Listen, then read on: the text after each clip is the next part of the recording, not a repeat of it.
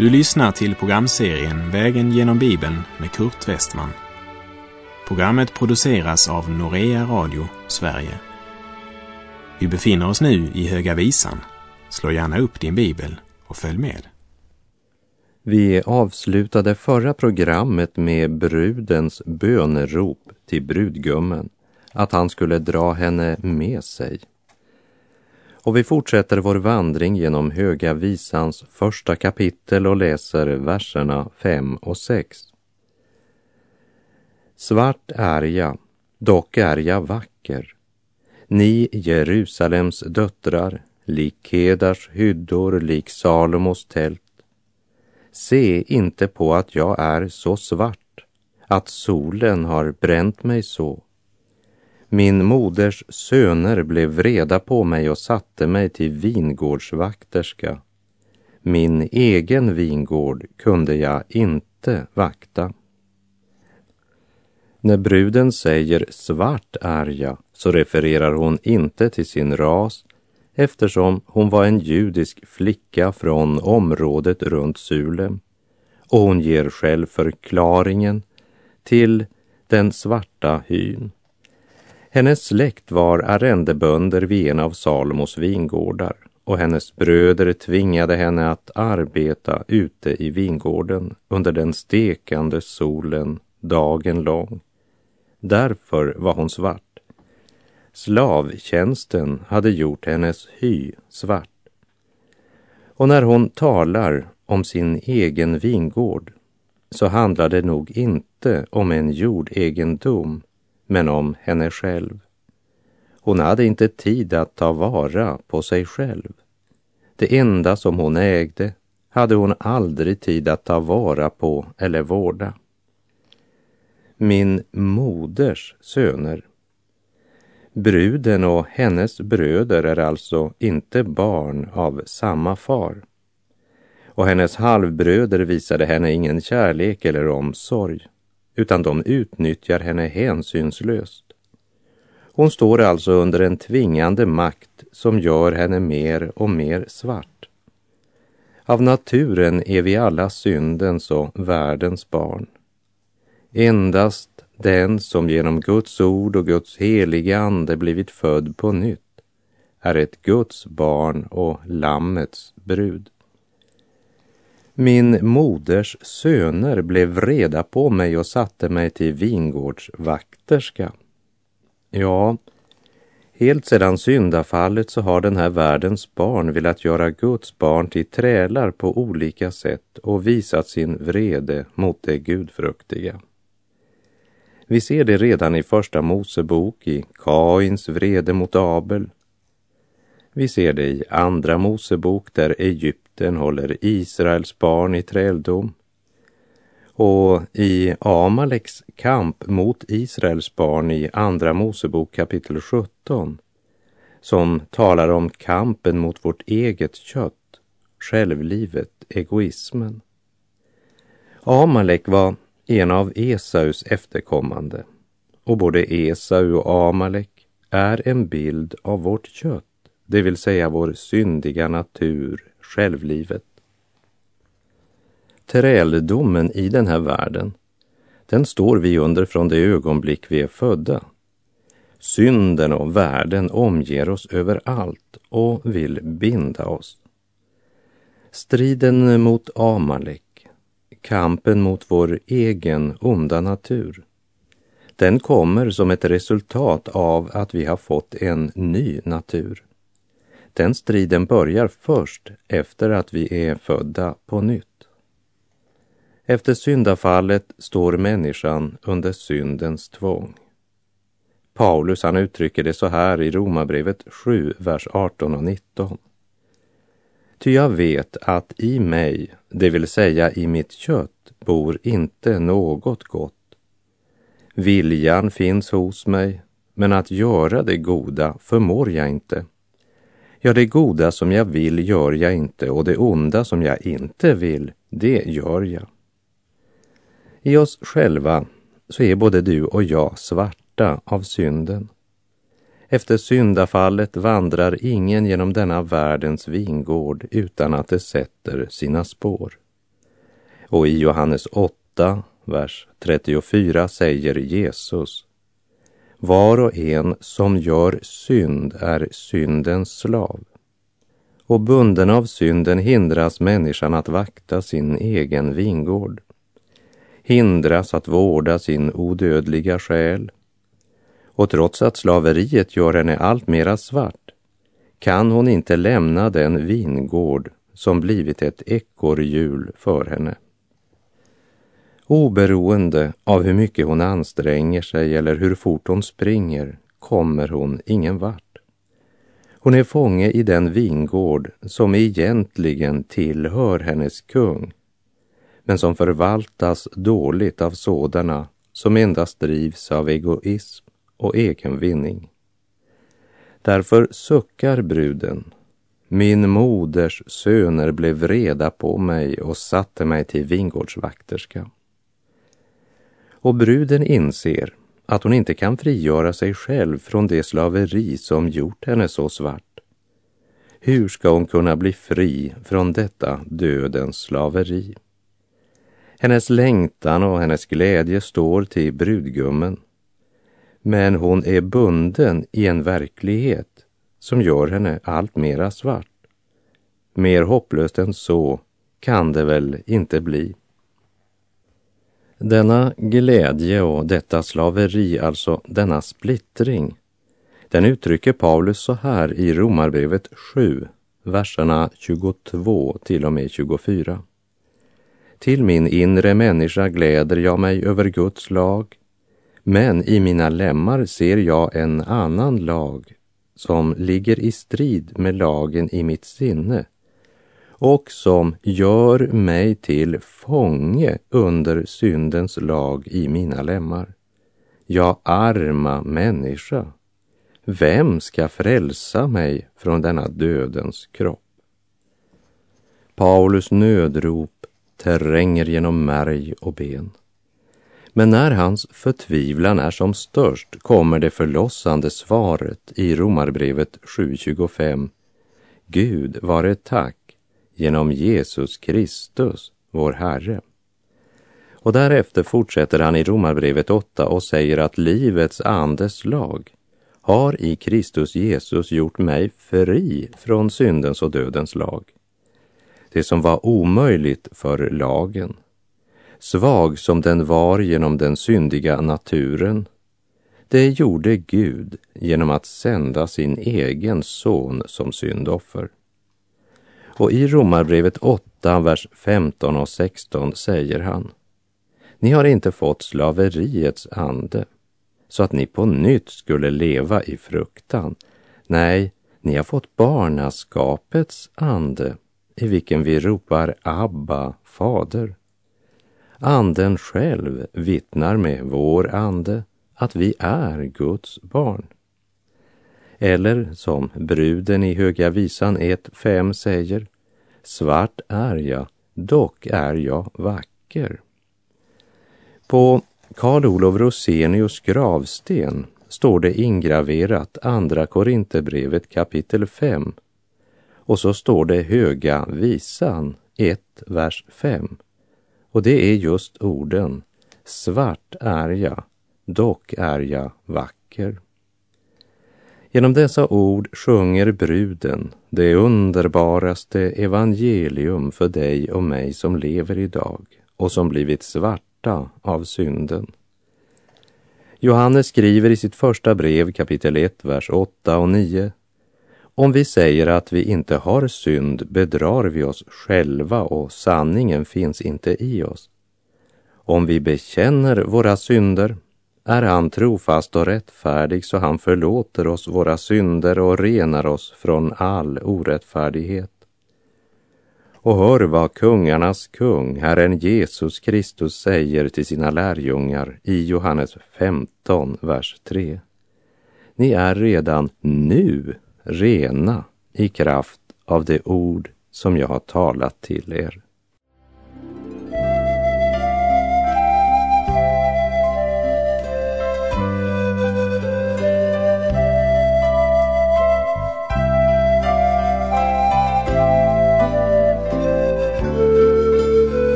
Fortsätter vandringen och lyssnar till bruden från Sulem när hon talar till herden som hon just har mött. Vi läser Höga visan 1, vers 7. Säg mig, du som min själ har kär, var för du din jord i bet? Var låter du den vila om middagen? Må jag slippa gå lik en vilsekommen kvinna vid dina vänners jordar. Det verkar vara en märklig herde eftersom hon inte kan se någon av hans får. Var för du din jord i bet? Det är som hon säger, vad gör du här om inte din fårajord är här? Och då går mina tankar till Jesu ord i en liknelse om det förlorade fåret i Matteus kapitel 18, där Jesus säger, vad tror ni? Om någon har hundra får och ett av dem kommer bort, lämnar han då inte de 99 på bergen och går ut och letar efter det som har gått vilse? Bruden frågar, undrande, var den här herden för sin jord i bet. Var låter han dem vila? Hon skulle så gärna också vara där, där han samlat sina får. Och hör nu mycket, mycket noggrant efter vad Herren Jesus sa i Johannes 10.14. Jag är den gode herden och jag känner mina får och mina får känner mig. Och i Johannes 10.16 fortsätter han. Jag har också andra får som inte hör till den här follan. Dem måste jag också leda och det kommer att lyssna till min röst. Så ska det bli en jord och en herde. Många kristna har en tendens att bli så upptagna av olika doktriner och diskutera läror och ämbetssyn. Diskutera förutbestämmelse, utväljelse, tusenårsriket, uppryckelsen och vi undrar ofta om den eller den kan vara frälst. Istället för att ifrågasätta varandras position i Kristus så skulle vi hellre verkligen förvissa oss om att vi är hans får. För det är det det hela handlar om. Och hör vad herden svarar den längtande, frågande bruden. Vi läser höga visan 1, vers 8. Om du inte vet det, du skönaste bland kvinnor, så gå bara fram i jordens spår och för dina killingar i bet vid herdarnas tält. Hör vad herden säger till bruden som blivit så svart därför att hon varit slav i den vingård som hennes halvbröder skulle förvalta åt konungen. Herden tilltalar bruden som har blivit så svart med orden Du skönaste bland kvinnor. Om du inte vet det, du skönaste bland kvinnor, så gå bara fram i jordens spår och för dina killingar i bet vid herdarnas tält. Gå fram i jordens spår, säger herden. Jordens spår, det är den smala vägen där Guds församling vandrar. Och herdarnas tält är varje rum där trogna herdar samlas och där Guds ord förkunnas rent och klart. Vi ska inte springa var som helst och söka bete. Vi ska gå fram i jordens spår, den gode herdens jord, och vi ska beta, det vill säga söka andlig mat vid herdarnas tält. Låt oss höra vad Herren säger genom profeten Jesaja kapitel 48, verserna 17 till och med 22. Så säger Herren, din förlossare, Israels helige. Jag är Herren din Gud, som lär dig vad nyttigt är, den som leder dig på den väg du skall vandra. Om du ville ge akt på mina bud, då skulle frid tillflyta dig som en ström och din rätt som havets böljor. Dina barn skulle då vara som sanden och din livsfrukt som sandkornen. Dess namn skulle aldrig bli utrotat eller utplånat ur min åsyn. Dra ut från Babel, fly från kaldéernas land. Förkunna det med fröjderop och låt det bli känt. Sprid ut ryktet om det till jordens ända. Säg, Herren har räddat sin tjänare Jakob. Det led ingen törst när han förde dem genom ödemarker, ty han lät vatten strömma fram ur klippan åt dem. Han klöv sönder klippan och vatten flödade. Men det ogudaktiga får ingen frid, säger Herren. I Johannes 14.27 säger Jesus Frid lämnar jag efter mig åt er, min frid ger jag er. Inte ger jag er en sådan frid som världen ger. Den frid som Jesus ger är inte vilken som helst frid. Jesus själv säger ju att det finns två sorters frid. Den ena sortens frid, det är den frid som världen ger och den andra sorten, det är den frid som Jesus ger. Låt Kristi ord rikligt bo hos er med all sin vishet. Undervisa och förmana varandra med salmer, hymner och andliga sånger och sjung med tacksamhet Guds lov i era hjärtan, skriver Paulus till församlingen i Kolosse.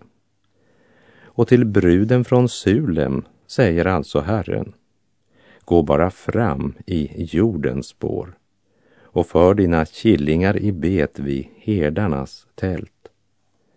Giv oss, o Gud, din ande god, som oss på vägen leder, upplyser, styrker håg och mod och nådigt oss bereder, att vi ditt ord må rätt förstå och oss därefter ställa så att ditt namn alltid helgas. Vi behöver själva leva av Guds ord och vi måste ge ut Guds ord till andra. En sångare sjunger Du talar om väder, du talar om vind, du talar om rosor på ungdomens kind. Säg, talar du aldrig om Jesus? I Johannes evangeliets 21 kapitel, där Petrus tre gånger får frågan om han älskar Jesus, och första gången Petrus svarar så säger Jesus För mina lamm på bete. Andra gången Petrus svarar säger Jesus Var en herde för mina får. Och tredje gången säger Jesus För mina får på bete. Lammen måste få föda och det gäller oss alla. Varje troende måste beta vid herdarnas tält. Petrus skriver i sitt första brev kapitel 2, vers 2. Längta som nyfödda barn efter den rena andliga mjölken, så att ni genom den växer upp till frälsning, då ni nu har smakat att Herren är god. Vi kan inte ge andra mat och leda andra på bete och berätta för dem om glädjen som Guds ord ger om det inte verkligen är en glädje för oss. En sångare vittnar så här. Herrens ord är en skatt och det hjärta blir glatt som det söker och finner i tro. Det ger liv, kraft och frid, under möda och strid fyller själen med glädje och ro. Gå bara fram i jordens spår och för dina killingar i bet vid herdarnas tält.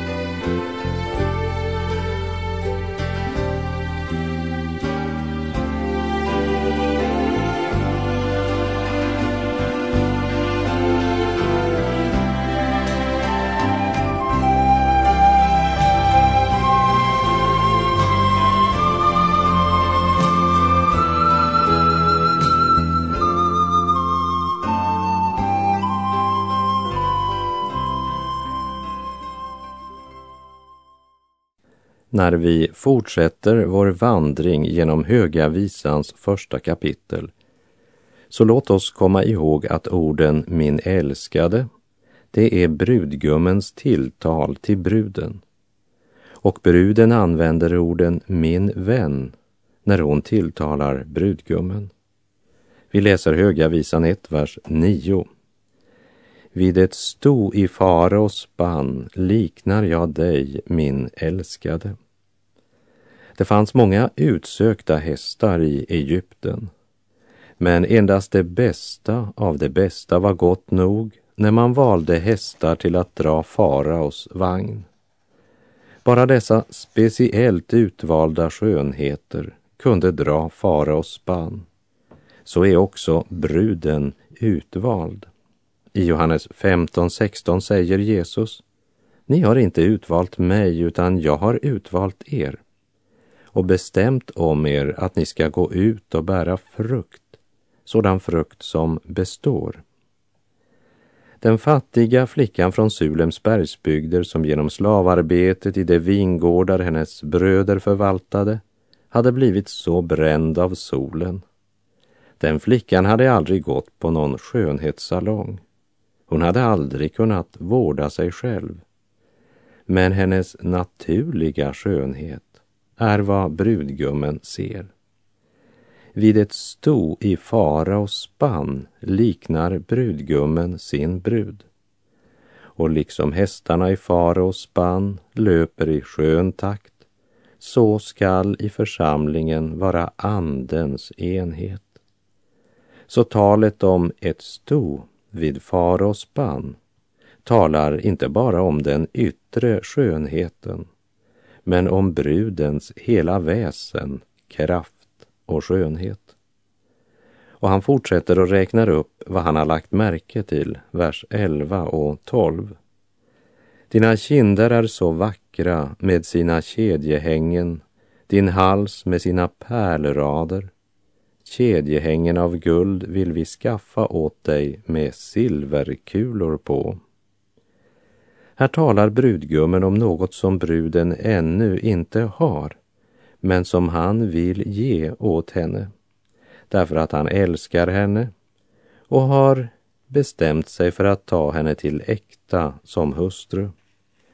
I andlig mening är det Kristi församling som är bruden och brudgummen är Herren Jesus Kristus. Vad skönhet kan han se i oss som bara är förlorade syndare? Han ser den skönhet vi äger när vi blivit renade i Lammets blod. Och till sina lärjungar sa han i Johannes 15.3 Ni är redan nu rena i kraft av det ord jag talat till er. Hör vad som står i Romarbrevets femte kapitel, verserna 8 till och med 10. Men Gud bevisar sin kärlek till oss genom att Kristus dog i vårt ställe medan vi ännu var syndare. När vi nu står som rättfärdiga genom hans blod, hur mycket säkrare skall vi då inte genom honom bli frälsta från vredesdomen? Ty om vi, medan vi var Guds fiender, blev försonade med Gud genom hans sons död, hur mycket säkrare ska vi då inte bli frälsta genom hans liv när vi nu är försonade. Men inte bara det. Vi gläder oss även i Gud genom vår Herre Jesus Kristus, genom vilken vi nu har tagit emot försoningen. Vi har inget att skänka honom, men han ger oss allt. Och detsamma gäller för Israel. Han sa inte, jag har kommit för att förlossa er eftersom ni är så fantastiskt folk så mycket bättre än egypterna. Nej, det sa han aldrig. För de var inte bättre än andra folk, men de var utvalda. De var ett litet folk, ett hårt och styvnackat folk. Och de valdes ju inte därför att de var så trofasta. För vi minns ju från vår vandring genom Moseböckerna, Josua, Domarboken, Samuelsböckerna och Kungaböckerna att de var trolösa och avföll och tillbad avgudar. De övergav Gud.